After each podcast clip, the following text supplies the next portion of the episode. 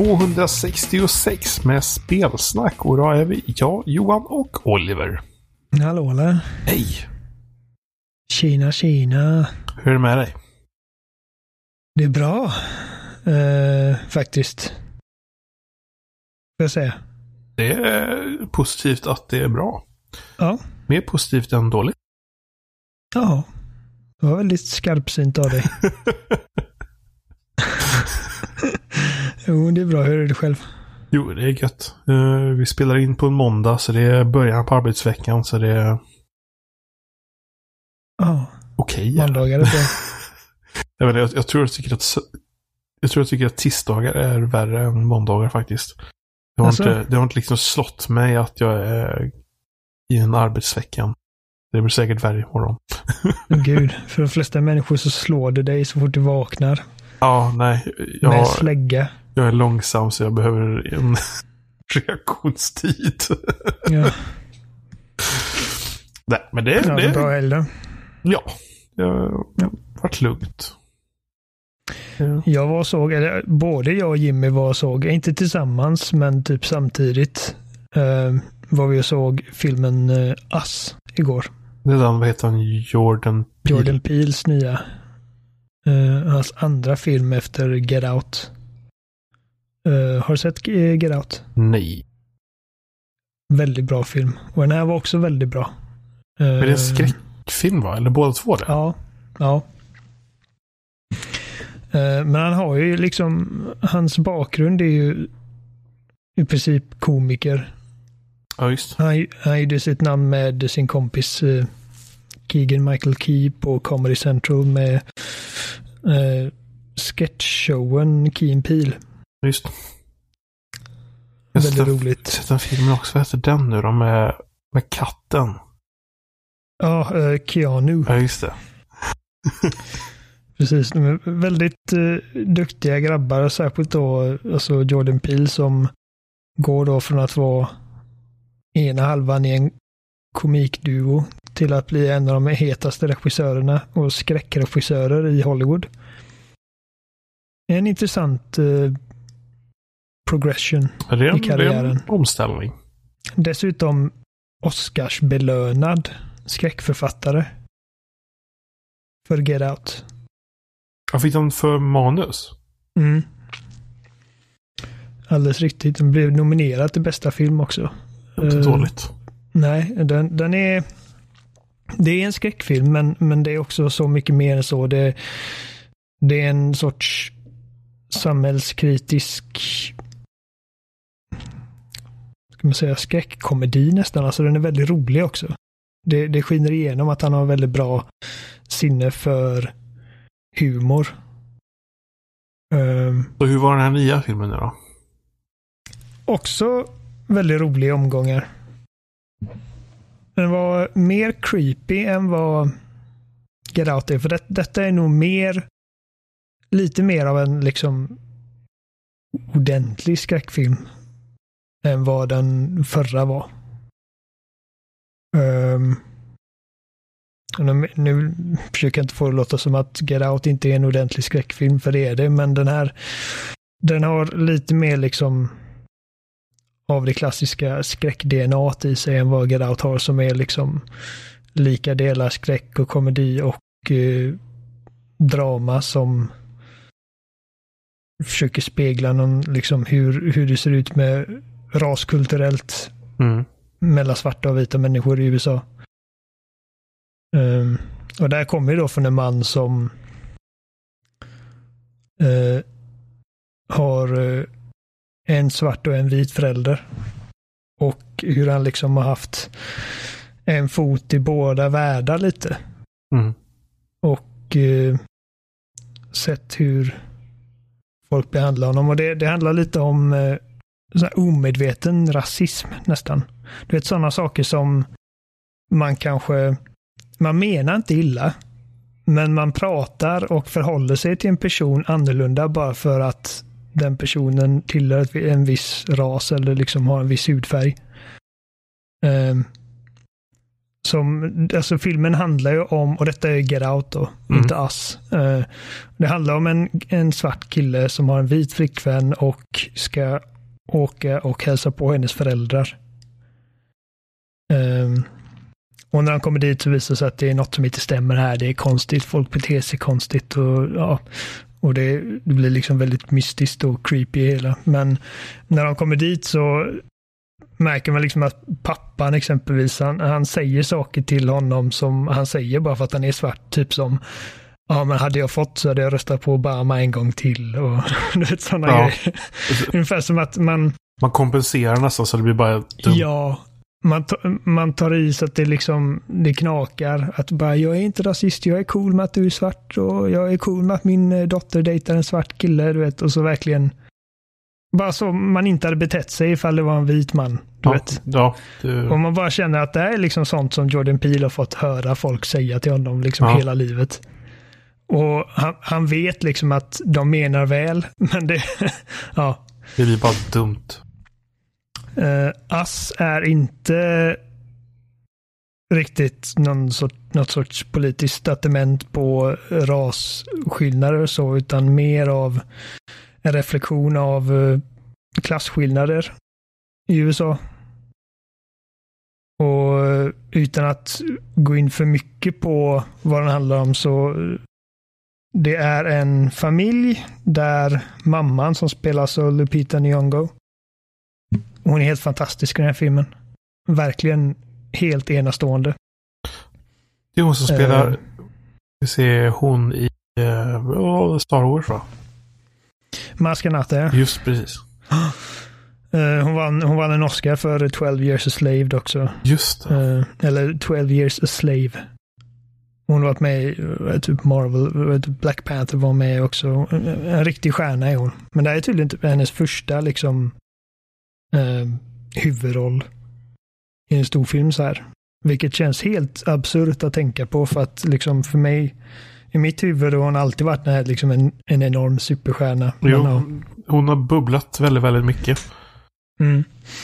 Hon är fantastisk i alla fall. Och hon, när hon var liten så gick hon igenom ett trauma. Som sen då i vuxen ålder håller på att komma ikapp henne. Och det blir väldigt creepy, väldigt, väldigt eh, obehagligt och väldigt underligt. Och det är en film, den, den är inte rädd liksom att att eh, dra uppmärksamhet till att det här är en väldigt underlig scenario. Liksom att det, det, det blir en del skämt också. Det är en riktigt bra film. Ni borde gå och se den. Som en icke-skräckfilmsperson så jag gissar på att jag inte kommer se den. Men, eh, Men alltså den, den är inte så... nej, men det, är så, det är så få gånger som jag går på bio så... eh, Ja. Men eh, det Nej, låter men om, som... det, om det är någon annan liksom, Ja. som lyssnar här nu och tänker att ah, jag, vet, jag är lite dålig med skräckfilmer. Den, den var inte så farlig. Alltså, du, du behöver inte oroa dig så mycket för att det ska liksom vara massa jump scares och grejer ska flyga upp mot kameran och överraska hela tiden. Utan det är väldigt, mer, väldigt mycket mer återhållsam film. Mm. Som inte förlitar sig eller liksom helt eh, handlar om att liksom chocka dig hela tiden. Kanske är en Eh. passande film att se mellan alla Marvel-filmer som går hela tiden. Mm, som en ja. liten eh, brytare däremellan. Ja, men alltså, jag och Jenny vi, vi gillar skräck och vi ser så mycket skräck och det finns så mycket skräp i skräckgenren. Liksom sådana filmer som uh, jag menar, den första filmen jag kommer tänka på nu är vad fan heter den?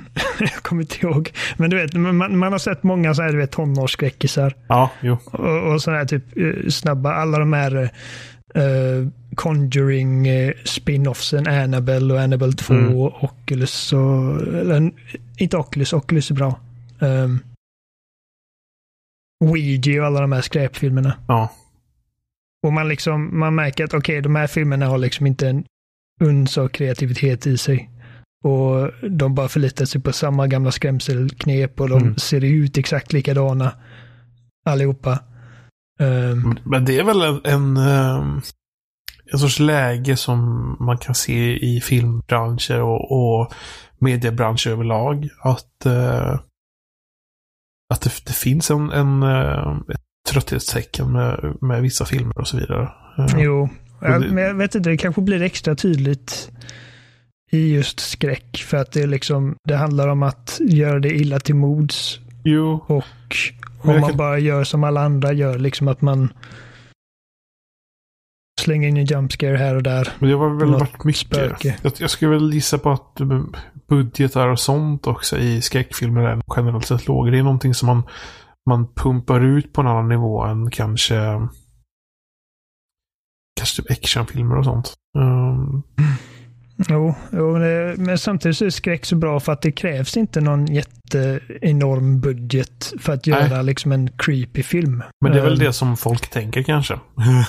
Ja, sen, så, sen ja. så kanske det inte finns någon form av talang eller uh, riktigt engagemang bakom och så. Jag, vet inte, alltså jag, jag, tror bara att liksom, det är lite som typ en komedi eller ett drama. Om, om du ska göra en superhjältefilm så krävs det en viss budget. Men mm. med skräck så är det det enda du behöver är en bra idé. Det kan vi se på DCU-filmerna så. Ja, men det är att de, de verkar eh, börja liksom dra upp sig lite, ta sig i kragen. Ja, ehm. jag, kändes, jag tyckte väl att Justice League var väl bättre än Suicide Squad, även fast det inte var bra. Um, ja, det säger inte så mycket. Nej, alltså. nej men det gör det inte. Men, men det var fortfarande... Sen var väl Suicide Squad var någon sorts eh, klippningshelvete också. Så det... Ja, lågvattenmärke. Ja, den filmen hade förmodligen kanske till och med gått göra bättre om de bara klippt om den. Um, sen Aquaman har jag inte sett än, men den, den verkar vara okej. Okay. Shazam alltså, pratar folk om att den ska vara riktigt, riktigt, riktigt kul.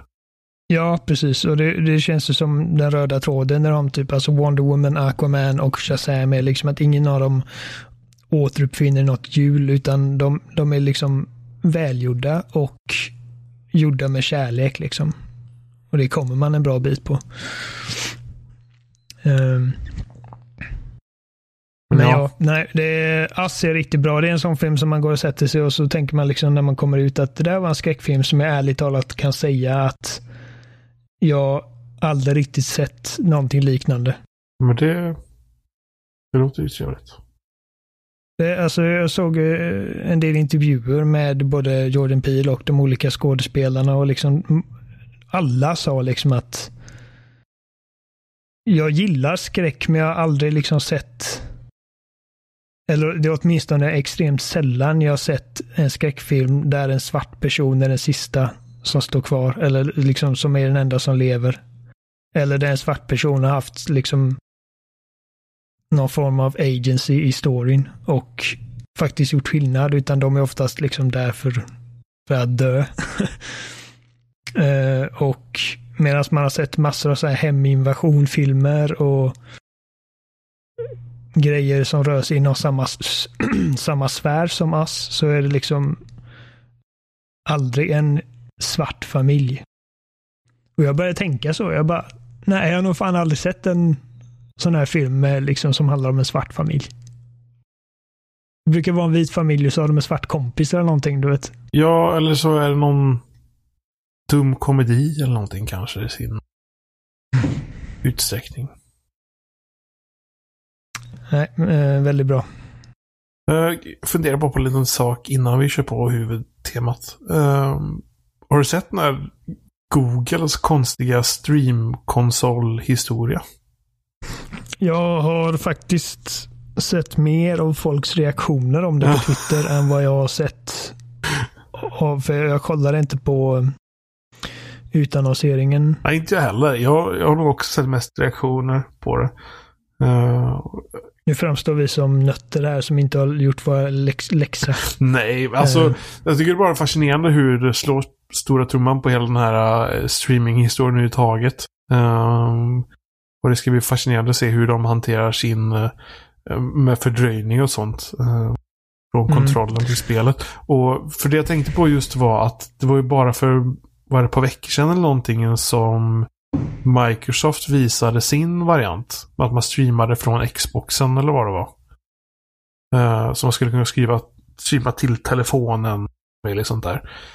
Um, Alltså jag är ju helt ointresserad av streamad gaming. jo, men det, det, det så jag också jag- med. Så det, det, det, jag lyssnar inte ens. Ja, men det, det jag får mig liksom att börja tänka på det här är just hur de slår på liksom de stora trummorna med det. För att jag tror inte på det. och nu, nu såg jag till och med att bara för att kunna spela på en sån här, eller spela en sån här stadie, så kommer det använda dedikerat 25 megabit per sekund. Mm. det är liksom helt galenskap. Jag bara resonerar som så här att jag litar inte på streaming när det kommer till spel. Nej, Ehm, men det är väl... för att det, det är inte som film och det är inte som musik. Nej. Ehm, det jag såg blir- någon diskussion om det på Twitter mellan två herrar. eh, där en sa liksom att det här är typ helt ointressant. Och den andra som svarade, ja ah, men alltså nu ska vi inte vara bakåtsträvande. Eh, kan du någonsin tänka dig gå tillbaka till CD efter Spotify? Och jag bara, alltså det är inte riktigt samma sak. Nej. För För Jag har aldrig bildkvalitet... haft Allt... tekniska problem med att streama musik. Nej, precis. Eh, och jag har tekniska problem med att spela spel överhuvudtaget. Liksom Ja. online. Inte, inte streamat nu, utan att spela online och komma åt tjänster och hela den faderullan som det är. Liksom, fast att jag har spelet på hårddisken. Och, Eh, sen, det är ju och sen ska du lyckas skicka då kontrollinformation åt andra hållet. mm, Och du kan aldrig garantera att allting går samma väg på internet. Det kan ju gå kors och tvärs, höger och vänster innan det kommer fram någonstans. Det- På samma gång så är det väl så här sak som man har sett sen, vad heter det, OnLive, eller hette det någon, de tidiga streamingtjänsten? ja, det var Eh, online. Så att det är väl någonting att det, de måste satsa på det för att det någon gång kommer att bli görbart. Någonting sånt där. Men sagt, det, det Ja, är men bara fascinerande. sett så- det är ju görbart. Alltså det finns ju folk som sitter och spelar eh, Playstation på eh, PS Now eller vad det heter. Ja. Uh, jag menar, jag, det närmsta jag kommit till att testa det är liksom att streama genom partysystemet på PS4. Ja. Eh, så här SharePlay. Eh, mellan två personer. Och då är det ju liksom en delay. Men det, det fungerar ifall man spelar typ uh, något legospel eller whatever. Jo, men jag vet inte om det är någon sån här grej som blir också att man till en början så, så vänjer man sig med hur, hur liksom hur sämre det är jämfört med den, den vanliga upplevelsen. Precis som man kanske eh, när en konsolgeneration kan gå över eller när, eh, i slutet av en konsolgeneration eller någonting sånt där. Så att när det är liksom lätt blir lägre framerate och det blir lite sämre. Men folk bara, det, det är bara så här det fungerar. Folk kanske vänjer sig med det. Men det, har- jag tycker det är bara fascinerande just med, med bandbredd-historien. Liksom, att det skulle ta 25 megabit per sekund. Och just det, om du kör 4K så blir det 30 megabit per sekund. Mm. Ja, men det är alltså... I Sverige funkar det kanske, men det det är många delar av världen där man inte har den typen av bandbredd. Liksom.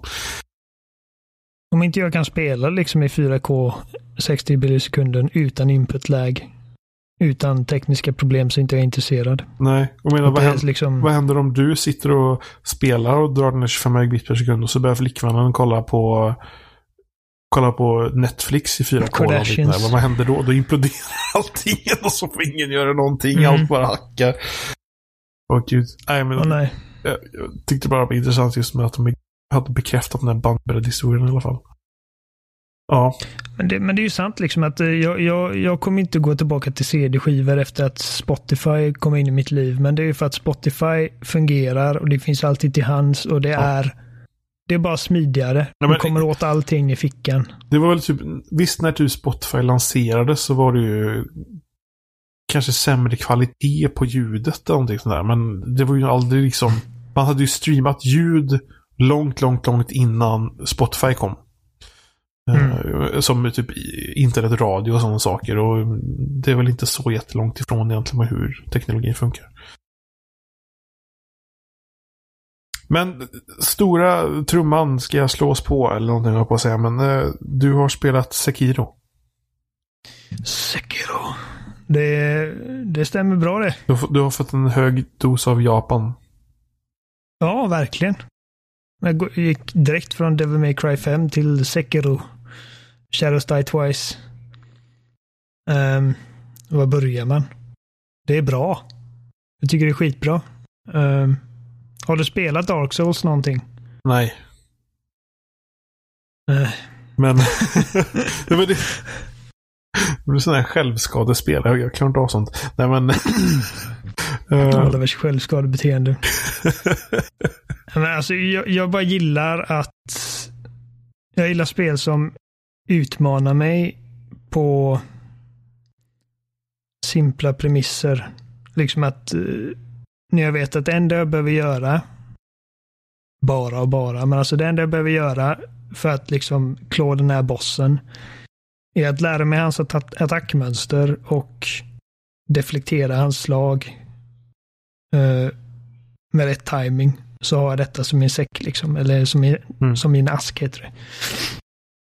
Um, Ja, men jag håller fast vid att Dark Souls och de här grejerna, de, de, är, de är kända för att vara ybersvåra, men de är egentligen inte mycket svårare än vad bara NES-spel är. För det är, uh, det är samma studio som Dark Souls och Bloodborne, ja, men det är inte samma... Bloodborne är något annat va? Eller hur var det? Alltså, Bloodborne är ju inte Dark Souls-spel, det utspelar sig inte i det universumet, men det, det Dark Souls, Demon Souls. Det är också två olika saker. Men ja. Dark Souls, Demon Souls, Bloodborne och nu Sekiro. All, alla delar liksom samma grundläggande DNA. Mm. Och det är konstruerat efter samma designprinciper allihopa. Mm. Så det är, det är spel med uh, oförlåtande gameplay Uh, fantasifulla monsterdesigns, uh, spännande världar att utforska. Mm. Uh, ja. Vilket var det senaste av, av, deras spel du spelade innan detta då? Uh, spelade Bloodborne för några veckor sedan. Förberedde dig lite eller? Ja, men det är min lillebror. Han är, han är en riktig sån Dark Souls-natt, men har aldrig spelat klart Bloodborne. Okay. Så jag, försökte få in honom i det lite och körde lite co-op. Ja, just det. Man kan på något sätt samarbeta lite i spelet. Mm. Det kan man inte i Sekiro. Det är ett single play-spel helt och hållet. Uh, men Sekiro, så, så detta är alltså inte någon sån här typ fantasy-värld med drakar och demoner. Eller det vet jag inte, kanske finns drakar demoner. Men alltså det, det utspelar sig i eh, medeltida Japan i princip och du är en shinobi. Eh, som de kallar Wolf. Um, han har inget namn, de kallar honom Sekiro. Sekiro betyder tydligen, liksom löst översatt från japanska blir det One-Armed Wolf. För han har en arm. Som han eh, kan han har liksom en liten protesarm som man kan installera olika vapen och verktyg på. Uh, till skillnad från i Dark Souls och Bloodborne och de spelen så du skapar en egen karaktär, du väljer en klass, mm. du lägger liksom skill points på olika attribut som att typ strength och dexterity och hälsa och alla de här grejerna. uh, här har du liksom en en färdig karaktär. Alla spelar samma karaktär i Sekiro. Han är liksom protagonisten och han har liksom en röstskådespelare. Han pratar i dialogerna. Uh, du får inte välja hur han ska klä sig eller vilket vapen han använder utan all, eh, alla kör samma karaktär och du har din katana. Och istället för att levla upp olika attribut så kan du istället lägga dina skill points på eh, nya skills helt enkelt. Det kan vara allt från nya combat art som det kallas, vilket typ, är bara ett fint namn på nya attacker. Eh, eller skills som gör att dina mediciner är mer effektiva. Eller att du blir svårare att se när du smyger dig omkring. Um, eller att du får hälsa när du dödar fiender. Sådana grejer. Så att du hela tiden förbättrar din karaktär utan att liksom sitta och pilla med massa siffror på ett Excel-ark. Liksom. Mm. Så de har gjort det lite mer, vad ska man säga, strömlinjeformat. Eller mer, vad ska man säga, lite mer styrt då liksom. Alltså. Eller?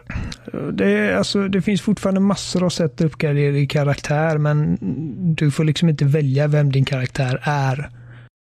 Uh, I Dark Souls så kan du ju välja att antingen vara liksom en lightweight snubbe med dubbla dolkar eller en stor enorm riddare med liksom ett tre meter långt svärd eller någon som bara använder magi. Mm. Uh, och kastar spells på avstånd. Medan de... här är det mer liksom att du, du ska spela på det här sättet. Så de, de utnyttjar liksom den begränsningen för att liksom förmedla en story eller någonting sånt där då istället, eller? Ja. Precis. Um... Vi... Uh... Jag tycker att jag tycker att det är ett simplare spel. Att det är lättare att förstå. Dels så är storyn mycket lättare att förstå för att eh, Dark Souls-storyn har alltid varit väldigt diffus. De ger dig aldrig några ordentliga svar på någonting utan gömmer mycket av loren i liksom item descriptions och det, det, är liksom svårt att pussla ihop narrativet i Dark Souls, vilket många tycker är liksom en av liksom eh, lite av charmen i de spelen. Och det är fortfarande det är liksom inte hur basic som helst i berättandet, men det, du har ändå liksom karaktärer som pratar med varandra och du har ett mycket tydligare mål den här gången. Det är lättare att hänga med helt enkelt.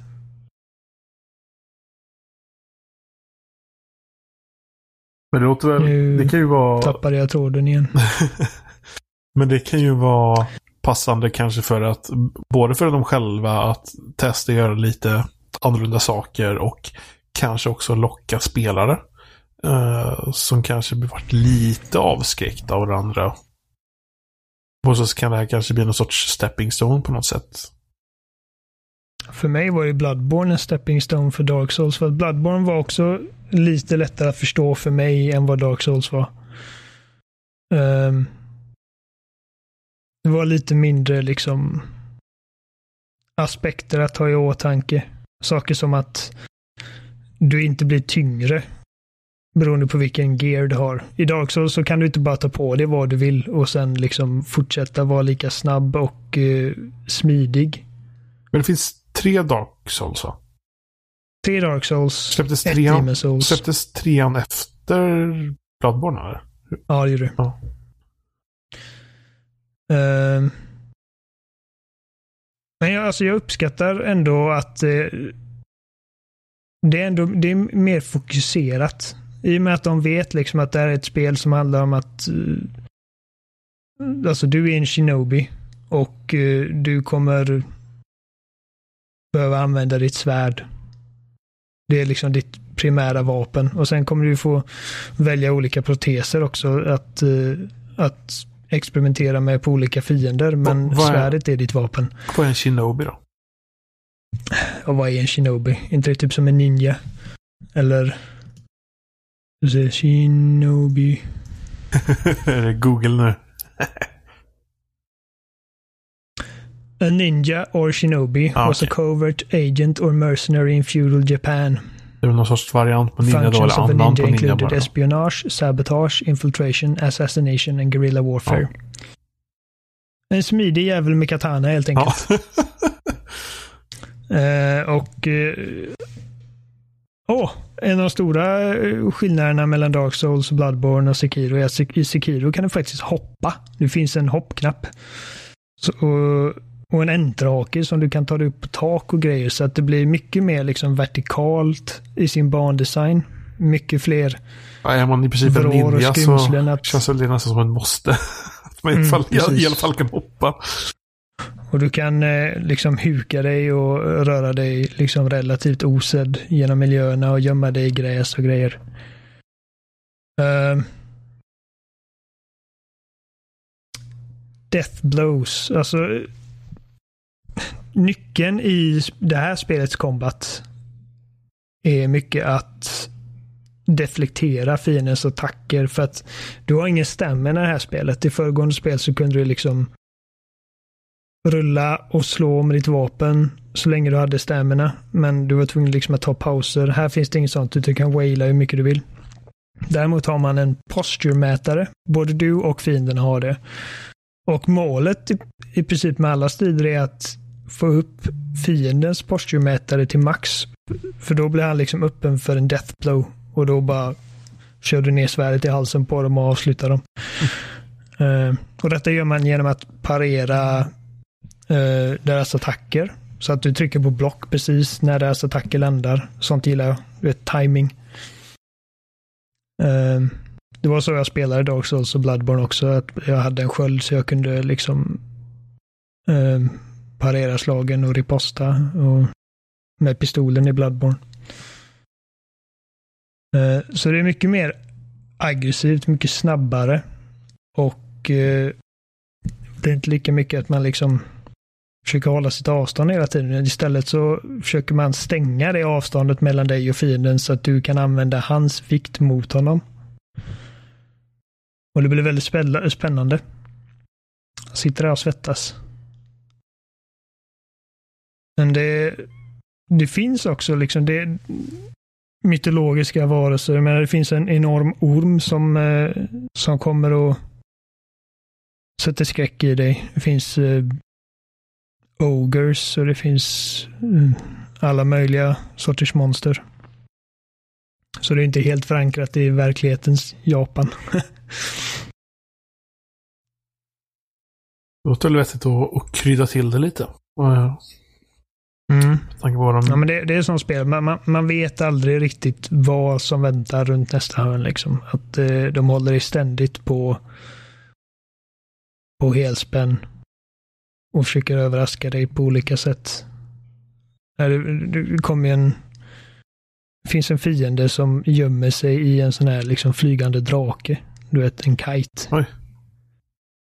Och eh, man, man är liksom på ett hustak och man tittar upp och bara, ah, där är en drake. Och sen så hör man någonting liksom bara Åh! Och så liksom kommer han flygandes. Och kraschar rätt ner i det och tar halva ditt liv nästan. det var liksom... Ja, det, det, de lyckas fortfarande efter liksom så här många Bloodborne, och eh, liksom Dark Souls och Bloodborne, alla de här spelen, så lyckas de fortfarande liksom hitta sätt att överrumpla mig och anfalla mig från vinklar som jag inte hade räknat med. Uh, det och det är svårt, även om det är liksom tydligare. Uh, och du får mycket bättre uh, tutorials och grejer i spelet. De förklarar allting väldigt bra för dig. Uh, vilket de inte gjorde i Bloodborne. Men jag fick kolla på en sån här tutorial-video på YouTube för att förstå hur inventorsystemet fungerar. Eh, trots detta så är det fortfarande oerhört svårt. Skulle nog säga att det här är svårare än både Bloodborne och Dark Souls. Så de, de, de ger lite förenklingar och sen så slår de till igen då? mm, ja, men de, har, de har gjort alla system och så lättare att förstå. Så att du vet vad du håller på med. Men det är liksom i striderna som det blir svårare för att du behöver verkligen vara precis i hur du blockar och när du väljer att anfalla. Det är väl, det är väl vettigt på något sätt att de, de gör att saker liksom fungerar och sen så får du helt enkelt träna dig till att klara saker istället. Jo, precis. Man sitter där och man nöter och man nöter. Och liksom varje gång man dör så lär man sig någonting. I alla fall ifall man ifall man eh, siktar på det. Att okej, okay, nu går jag in en gång till. Det är inte säkert jag klarar det, men jag ska i alla fall försöka att varje gång jag går och möter den här bossen nu så ska jag i alla fall snappa upp någon grej till. Liksom en rörelse han gör innan den attacken som tog mig sist kommer så att jag kan liksom effektivt backa ifrån den eller effektivt kontra den på något sätt. Det, det är ju i alla fall bättre än att ett spel är svårt bara för att jag menar, kontroller är svåra eller att någonting är liksom mm. bara fel. Ja, precis, och det är, det är liksom den här klyschiga man har sagt om alla de här spelen. Att de är svåra men rättvisa. Och det är klart att det är ibland som typ kameran har fuckat upp mig. Och det är ibland som jag känner liksom att okej, okay, den där fienden lyckades grabba mig fast att jag inte riktigt var inom range. Men det är ju sånt som kommer med territoriet. Inget spel är perfekt. Um, men ofta så känner jag att det har liksom behandlat mig väldigt rättvist. Och det är liksom fortfarande sådär när man har suttit fast på en boss i en timme och liksom har dött och dött och dött och dött. Så när man slutligen får det där sista liksom deathblowen så känns det så jävla bra. Just i det ögonblicket så känns det som att man kan ta precis vad som helst. Sen kommer man till nästa ställe och blir fistad igen. Men det är en jätte, jättehärlig känsla är det.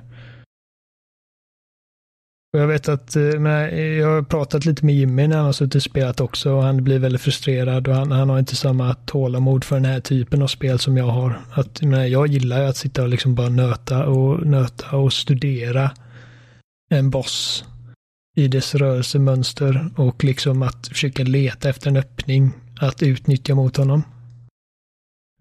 Um, Medan Jimmy blir mest otålig. Han gillar inte bossar, Jimmy. Det eh, tycker jag är konstigt att man gillar tv-spel så mycket men inte tycker om bossar generellt. Det, beror, det, det, det beror väl på hur, men det är klart att det finns dåliga hur de, bossar. Hur liksom. de passar in.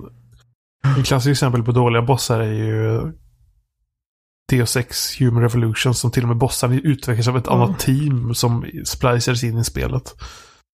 Jag tror att problemet med bossar överlag uh, är att jag tror att många utvecklare känner att de måste ha med bossar för att det, det är tv-spel så det behövs bossar. Och alla spel behöver inte bossar. Uh, Halo 2 behövde inte bossar. Typ, alltså, typ som när man slåss mot Regret. Hoppar upp på hans lilla flygande oh, rullstol och slår honom i ansiktet medans och det är också en sån grej att många spel är liksom att en boss är bara liksom ett stort monster som inte är så svårt egentligen. Det är bara att du har typ en miljard hitpoints. Um, som man står och liksom skjuter och skjuter och skjuter i 20 minuter och liksom till slut dör den bara för att den typ, tråkats ihjäl. Mm. Um, jag gillar bossar som man kan liksom ta effektivt ifall man bara vet hur man gör. Och andra grejer, typ som många bossar blir liksom att de, de slänger in mindre fiender samtidigt. Och i spel som typ Destiny, exempelvis, ja, så ja. behöver de göra det för annars får man slut på ammo. Ja. Men det är liksom... du bara jag gillar att en boss ska kunna stå på sina egna ben för helvete. det är genomsyrligt. Alltså den typen av spel just. De slänger in andra så att du kan få lite, lite saker och så får du sen fokusera på den stora jäveln Mm. Då bossarna i det här spelet, som precis som du sa, det är identifiera mönster och... Ja. Och det är bara väldigt liksom att alla bossarna känns väldigt olika varandra. Att de... Ingen fungerar riktigt som den andra. Men du hade kommit halvvägs i spelet, sa du, ungefär? Ja, ungefär. Och hur många bossar har du liksom slåss mot? Uh, hur många huvudbossar? Typ sex tror jag. Men sen finns det ju dussintalet minibossar att slåss mot också. Som i vissa fall är ju liksom är minibossarna svårare än de, de riktiga liksom. Det är dock, det är ju väldigt mycket bossar. Det är väldigt mycket bossar. Och såklart, uh, det är väl en del av spelet så helt enkelt då. Jo, det är ju det. Eh, alltså för mig är höjdpunkten i de här spelen är ofta bossarna. Um, men det är också väldigt imponerande att de trots liksom att och jag vet att Sekiro inte är ett Dark Souls-spel, men det är liksom faktum kvarstår att det är liksom de liksom pelarna som hela spelet vilar på. Det är samma DNA som deras föregående grejer. Och att de fortfarande lyckas designa bossar som inte som inte känns urvattnade. Som fortfarande känns unika och erbjuder liksom en egen utmaning. Det är rätt imponerande. Det är väldigt bra spel. Jag... Ja, jag vet inte om jag tycker att det är bättre än Devil May Cry 5. För att jag har väntat på Devil May Cry 5 så länge och det känns fortfarande helt sjukt att det finns nu. Att det är ute. Men det är, jag tror definitivt att Sekiro är ett sånt spel som man kommer prata om lite extra liksom, när, året närmar sitt slut och man ska summera liksom, de bästa spelen. Man borde väl komma ihåg det i alla fall om man har lagt så mycket fokus på det som man verkar behöva göra. Ja. det borde inte vara ett sånt spel som man glömmer bort i första taget i alla fall. Nej, det lär man inte göra. PTSD. Olivers självskadebeteende 2.0. ja, eller Jag gillar, jag gillar eh, destruktiva spel. Ja, men jag tycker väl inte man behöver se det som destruktiva spel. Jag tycker det verkar som att du gillar spel som du kan på något sätt fokusera på detaljerna med. Um, mm, jo. Någonting det kan man vända och vrida på lite hur man vill. Jag menar, jag vet Jimmy exempelvis, alltså, uh, han kan sitta typ i Minecraft och bygga en stor borg. Liksom sten för sten med liksom miljontals bitar utan att tröttna. Medan jag bara känner, alltså jag, jag har varken fantasin eller ko liksom koordinationen. Jag har inte disciplinen att sitta och liksom bygga dessa enorma grejer som Jimmy bara fantiserar ihop i huvudet. I Minecraft. Men när det kommer till sådana här liksom spel där det, där det är väldigt, man är inne i, i liksom ögonblicket. Du får ju, och, du får ju klarare mål när du, när du spelar spel som det här istället för typ Minecraft. För du, du får ju alltid när, när du klarar någonting så kommer du framåt. Medan i Minecraft är det så fall att du sätter mål för själv att du ska bygga klar en borg. Men mm. när är borgen klar då? du, ja, precis. Det är liksom, det är väldigt... Diffus. Det är som att överkomma ett enormt hinder. Ja. Bara med viljestyrka. Och liksom ett sinne för detalj. Men återigen, det kan man ju säga om Jimmys Minecraft-spelande också. Jag jo. vet inte, jag bara gillar sådana här spel. ge mig ett svärd och några monster att döda så har jag roligt liksom. Mycket blod. um, och vad är på gång nu framåt egentligen? Med spel och sånt. Det var extremt bra Ja du. Uh, ska jag kolla på min lilla kalender här. Oh, du har planerat in en kalender. Jag har en liten lista här på, på spel som släpps i år. Så fort du får ett releasedatum så skriver jag ner det. Eh, nästa månad kommer ju Days Gone. Till PS4. Vad är det? Det är ju eh, Sony Bends nya spel. Som har arbetat på hur länge som helst. Mm. det är typ Open World Zombie Apocalypse. Ja, just det. Med Biker Dude i huvudrollen. Uh, och det är egentligen bara två saker som gör att jag är intresserad av det. För jag är så trött på zombies och jag är så trött på open world-spel. Men dels så är det ett Sony First Person, eller First Party-spel. Vilket liksom bara rent historiskt så är det liksom, det, det är kvalitet i princip. Och sen så är Sam Witwer i huvudrollen. Han är en jävligt bra skådis. um, Det är det enda jag skrivit upp, uppskrivet på maj, men sen kommer Rage 2. Nej, Days Gone är det enda jag har uppskrivet på april. Medan Rage 2 kommer i maj. Tydligen kommer Super Meat Boy Forever i april. Har inte jag skrivit upp. Kommer 26. Är det en riktig uppföljare eller? Ja, 26 april. Nice. Till en jävla massa konsoler. Samma dag som Days Gone. Uh, det är det ja. Det är någon mm. som har fuckat upp tabellen ser jag nu. och gjort det. Det är någon som förstört, förstört en tabell i Wikipedia ser jag. Så, så hamnar i lite fel ordning. Här är så, ja, så. så. Och i maj så är Rage 2 ja. Inte mycket mer det dock. Nej, men jag, jag, vet inte, så jag, jag vet inte hur mycket mer jag har att säga om Sekiro just nu för att uh, Det är bara jag som har spelat det. Det, Och men hade Jimmy varit här så så hade, han, så hade han sagt någonting och så hade jag tänkt ja ah, men så här tycker jag det om det och det och nu sitter jag istället här själv och bara försöker komma på intressanta grejer. Och jag lovar att när vi är klara här nu så kommer jag tänka bara ja ah, det där skulle jag sagt. det alltid. Men det, det är väldigt bra. Ja, det var Jag väl rekommenderar det. det, var väl det vi hade för den här veckan. Yes.